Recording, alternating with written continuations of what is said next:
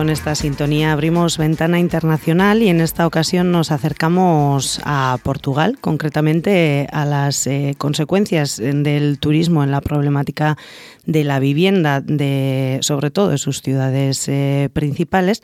Y es que para ello tenemos al otro lado del teléfono al fotógrafo documental Gonzalo Fonseca, que trataba dicha problemática en, el proyecto eh, New Lisbon, concretamente en la ciudad, en la capital portuguesa, en Lisboa.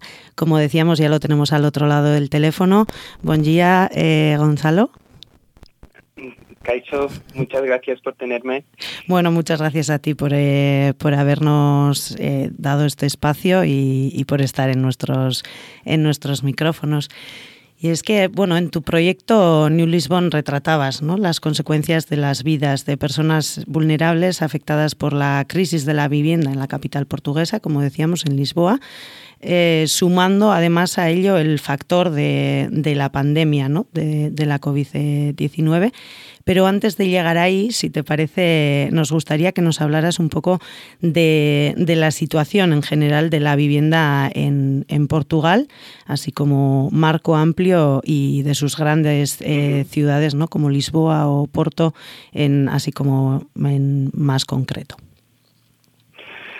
Muy bien, pues es un recorrido largo de, mm, muchos años de, políticas de, vivienda que, hicieron bastante daño, tanto en Lisboa como en Porto, pero en Lisboa empezó más, em, más temprano.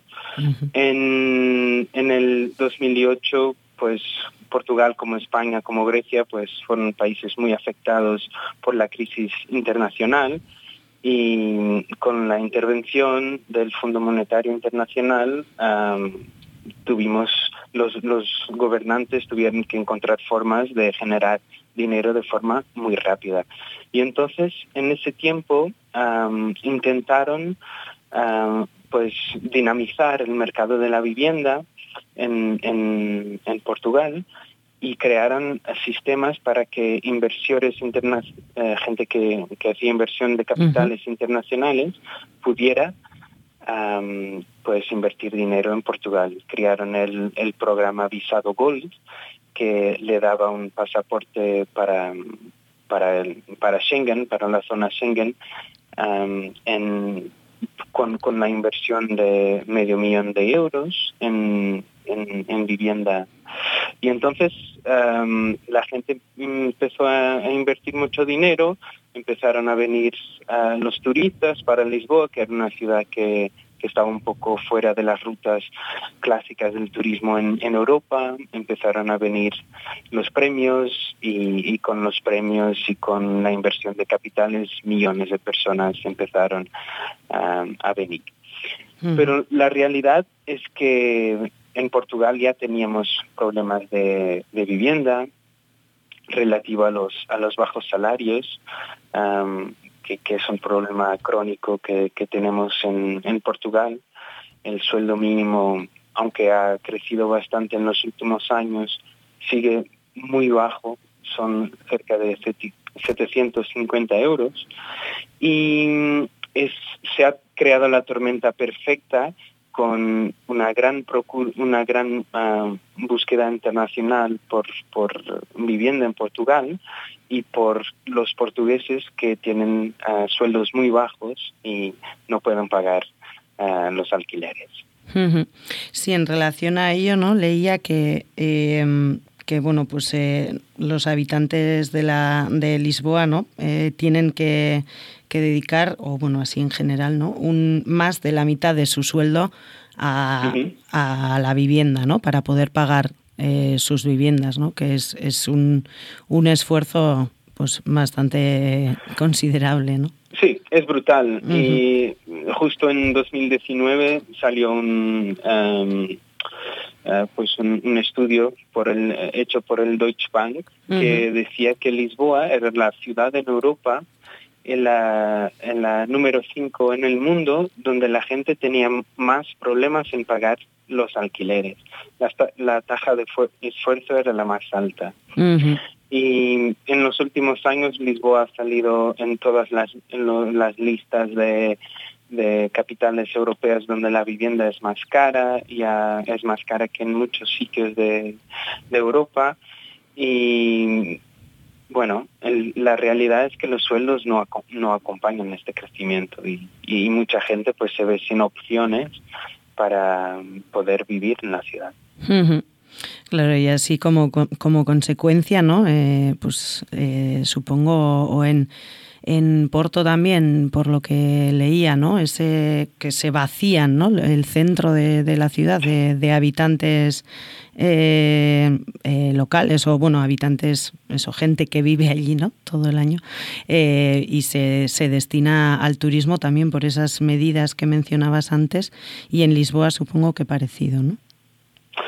Sí, y, en los centros se nota ah, que la ciudad pues está más bonita, los, los edificios están rehabilitados, pero la verdad es que le falta la alma, porque muchos de los, de los edificios, cuando caminamos por el centro de Lisboa, por el centro de Porto, ah, pues se ve que no vive nadie ahí. Y entonces pues tenemos las ciudades que están más bonitas, pero también están más vacías y, sin, sin contenido. Sí, además, ¿no? Podemos ver las, las consecuencias también de, este tipo de, de políticas o, bueno, de, de, las consecuencias también de esos eh, de esas relaciones, ¿no? Que mencionabas, pues los bajos salarios y el, el, precio alto de la vivienda en otras ciudades, ¿no? En pues el caso quizás más sonado o más paradigmático es el de Venecia, ¿no? Pero bueno, cómo pues eso, lo que decías, ¿no? Cómo se pierde esa bueno, pues ese, ese, ese ambiente, esa eh, realidad, ¿no? De, Del día a día. Mm. Sí, es un, es un problema global eh, que se nota pues en, en cada, en cada, mm, no necesariamente capital, pero en cada ciudad de Europa, del mundo, este, estos procesos de gentrificación, de sustitución de, la, de gente eh, con menos recursos por gente con más dinero, ah, son, son cambios que están afectando casi todas las ciudades ah, en Europa. Y, las consecuencias son dramáticas. Bueno, y relacionado con ello, ¿no? Pues eh, comenzabas eh, ese, ese proyecto, ¿no? Eh, New Lisbon, que si, si no me equivoco, pues también comenzaba desde una vuelta a Lisboa, ¿no? Y, un, de repente un contraste, ¿no? Que, que viviste. Cuéntanos un poco cómo comenzó y, bueno, cómo has ido desarrollando ese proyecto. Pues yo cuando lo empecé en el finales de 2018, principios de 2019, estaba en una situación pues en la que no podía pagarme el alquiler, estaba viviendo con mis padres ah, y, veía la, vida de mis amigos, la situación de mis amigos que, bueno, tuvieron las mismas oportunidades que yo, fuimos a la universidad, venimos de familias de pues de clase media. Entonces, si nosotros que somos los privilegiados no podemos pagar el alquiler, me empecé a, pensar cómo estaría la gente que no, que no tuvo las mismas oportunidades que yo y que venían de otra, de otra parte de la, de la sociedad. Entonces fue en ese momento que, que, empecé a, a, buscar pues formas de contar los cambios profundos que estaban pasando en mi ciudad. Y empecé pues un poco perdido, como, como en todos los proyectos, donde sabes lo que quieres contar, pero no encuentras la forma correcta de hacerlo, la mejor forma de hacerlo, y entonces empecé a fotografiar los comercios que estaban cerrando, empecé a fotografiar los turistas en las calles, pero no, no, el proyecto no estaba teniendo éxito. Y, y cuando empecé a entrar en la casa de las personas que estaban siendo afectadas por esta crisis, pues ahí empecé a pues a ver una intimidad y una calidad en la fotografía que, que no había visto antes en mi trabajo. Y, y, bueno, pues empecé en el centro de la ciudad fotografiando personas mayores que estaban siendo víctimas de bullying um, en, sus casas, pues uh, los dueños de, los edificios a veces sacaban las, las luces de las escaleras, uh, cortaban el agua, la electricidad, uh, de forma a, a intentar que esas personas que estaban protegidas por, por la ley, pues que se quisieran irse de las casas que estaban alquilando hace muchos, muchos años.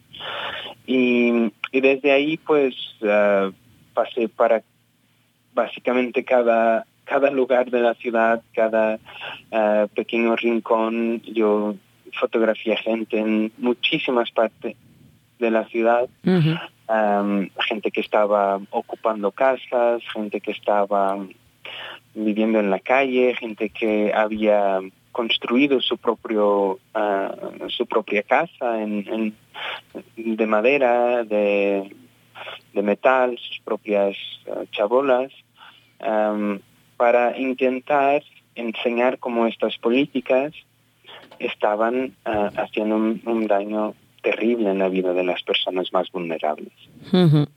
Sí, uno de, no decías eh, que uno de los de los eh, ámbitos que, retrataste eran eh, esas personas que, que, ocupaban, pues para poder seguir teniendo una vivienda, ¿no? Y es que bueno, Quizás esta, también esta entrevista surgía un poco de ahí, ¿no? De un reportaje que publicabas en 5 w, w, Madres obligadas a, ocupar, ¿no? Que, bueno, pues eh, retratabas eh, este perfil, ¿no? De eh, madres trabajadoras inmigradas, ¿no? que estaban, que habían encontrado esa alternativa a, a seguir manteniendo una vivienda, ¿no? Sí, en, muchos sitios la ocupación está muy conectada con aspectos ideológicos.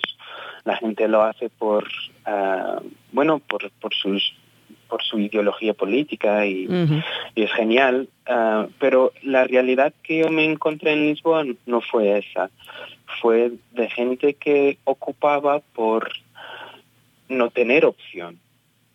Y y, eran mujeres que, trabajaban, que ganaban el, sueldo mínimo. Y, durante la pandemia pues todas ellas eran trabajadoras esenciales, trabajaban en supermercados, en apoyo a, gente mayor. Y estas personas que eran la gente que estaba haciendo nuestra sociedad ah, que, siguiera ah, funcionando, pues no tenía forma de pagarse un alquiler y, muchas ah, eran de, eran familias monoparentales solo solo estaba la madre tenían dos o tres hijos y entonces no tenían capacidad financiera de, pagarse ni siquiera un, piso con, dos habitaciones. y justo el otro día salió una noticia que decía que el sitio más cerca de Lisboa donde una mujer eh, con, un hijo eh, pudiera alquilar un, piso que, no le sacara más del 50%, era a 120 kilómetros de Lisboa. Mm. Así que este es un problema que mm, empezó en el centro, pero ha, ido creciendo y ahora ya, eh, bueno, ya se ha tornado un problema de la, de la área del área metropolitana de, Lisboa. Así que tenemos estos problemas por kilómetros y kilómetros. y la gente va buscando soluciones cada vez más lejos del centro de la ciudad. y, estas mujeres pues eran, eran mujeres luchadoras que, que tienen que tener mucho coraje para, bueno, para ponerse en, una casa que está vacía, con sus hijos, ah, con esta incertidumbre de qué va a pasar, de estar en un sitio que no es nuestro. Y había una de las chicas que yo mm, estuve fotografiando durante casi tres años que me decía que el, el único tiempo la única parte de la semana donde dormía tranquila era en el fin de semana, porque era cuando la policía no estaba desocupando las casas. Sí, desde luego, ¿no? Y además eh, ahí también está ese eh, eh, perfil racista, ¿no? Por parte de, la policía, que bueno, yo lo supongo allí también, porque aquí lo conocemos, ¿no?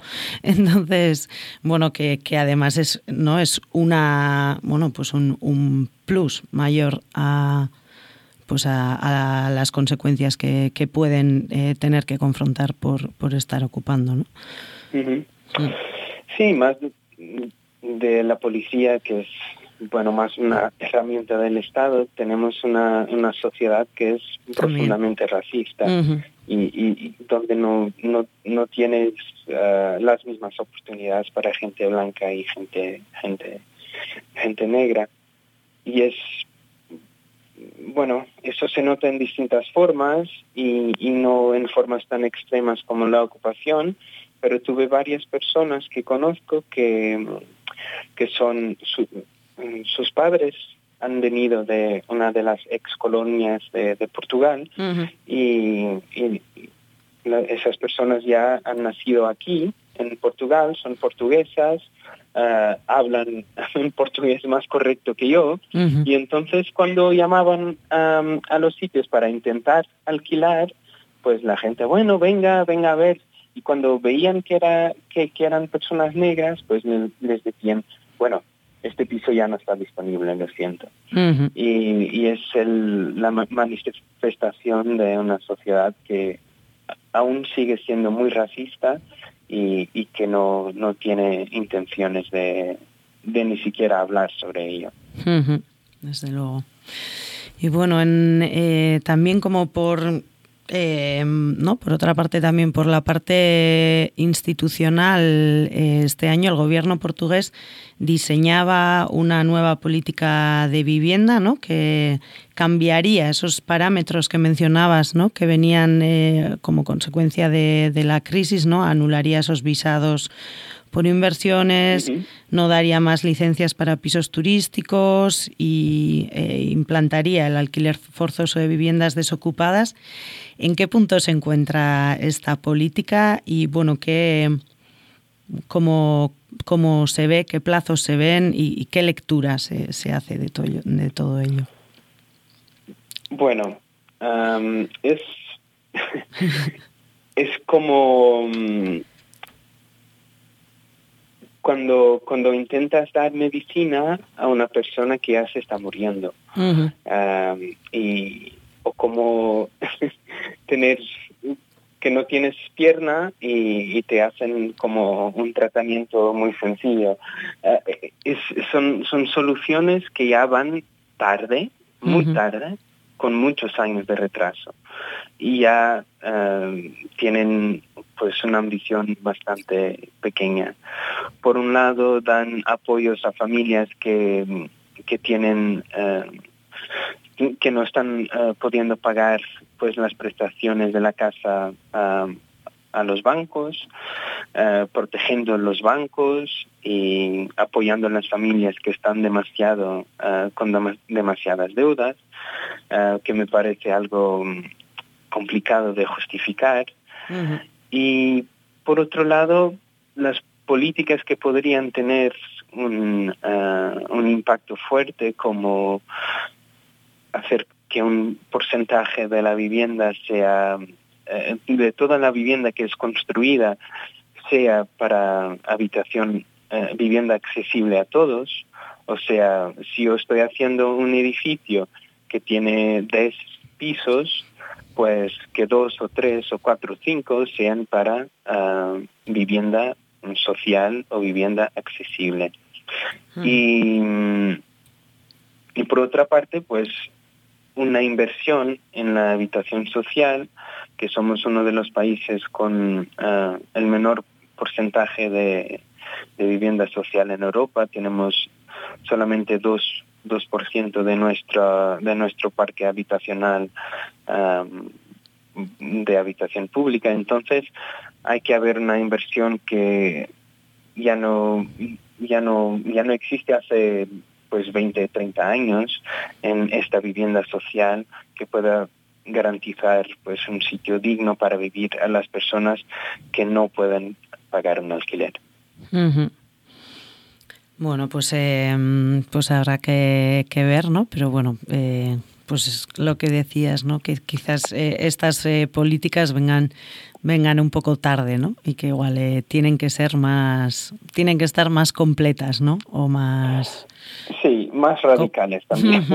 con más recursos y sí, el foco puesto más ahí, ¿no?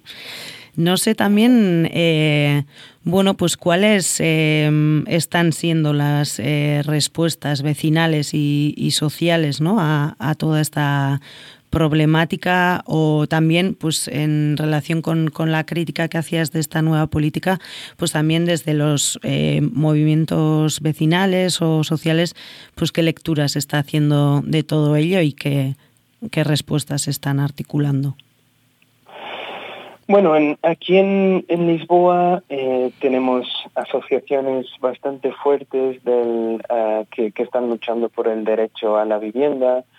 Uno, una de ellas es Habita, la otra Stop uh, que quiere decir de, desahucios.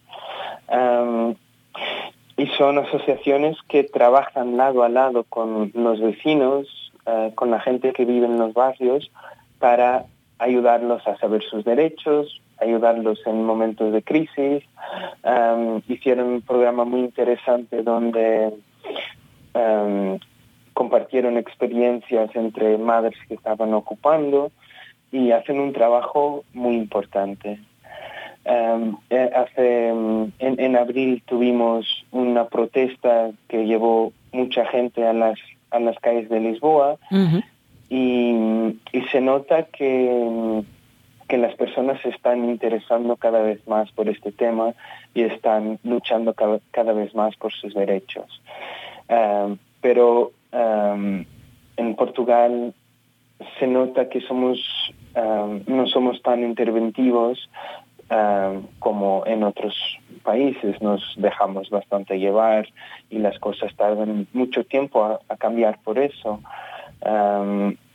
en países como Francia, pues hay una capacidad organizativa enorme y creo que en esa, en esa parte podríamos aprender un poco con ellos. Pero la gente se va movilizando, los movimientos van creciendo y se van haciendo más fuertes y, es claro que juntos pues podemos ah, hacer con que nuestros gobernantes tomen medidas que, que puedan mejorar la vida de la gente. Bueno, pues hay movimiento, ¿no? Que eso, eso es lo que, lo que cuenta y, bueno, pues habrá que ver también cómo se va desarrollando, ¿no? Gonzalo, se nos va acabando el tiempo. Eh, bueno, podríamos estar hablando eh, pues un montón, ¿no? Pero la radio también tiene sus, sus límites. Y, pero no sé si antes de terminar hay algo que, que quieras eh, comentar o si no lo dejamos aquí. Bueno, solo me gustaría decir que en noviembre voy a tener una, expo de este proyecto en uh, Badajoz, que está un poco lejos para vosotros, pero si alguien eh, estará por ahí, pues estaré encantado de recibirvos y, hablar con, con, vosotros y vosotras. Y bueno, muchas gracias por el interés, por el tiempo y, por ah, las, las, buenas preguntas, interesantes preguntas. Bueno, pues eh, nos quedamos con esa invitación en, de la exposición en, en, Badajoz. Si alguien que nos está escuchando está en noviembre por ahí, que se acerque. Y también, eh, bueno, desde aquí lanzamos la invitación a, eh, bueno, pues a la gente que nos escucha a que, bueno, pues se, se, adentre un poco en ese proyecto, ¿no? New Lisbon, pues en, en tu página web o que lea el reportaje de 5W, Madres Obligadas a ocupar. Y bueno, y te agradecemos a ti también muchísimo eh, pues, eh, por el trabajo que, que, haces y por habernos dedicado también este, este tiempo. Muchas gracias, Gonzalo Fonseca, fotógrafo documental eh, centrado leíamos eh, en temas vinculados a la salud y a la vivienda, pero supongo que también tratarás eh, otros muchos temas más. Muchísimas eh, gracias, muy obrigada y, y hasta la siguiente. Gracias a vosotros. Hasta luego.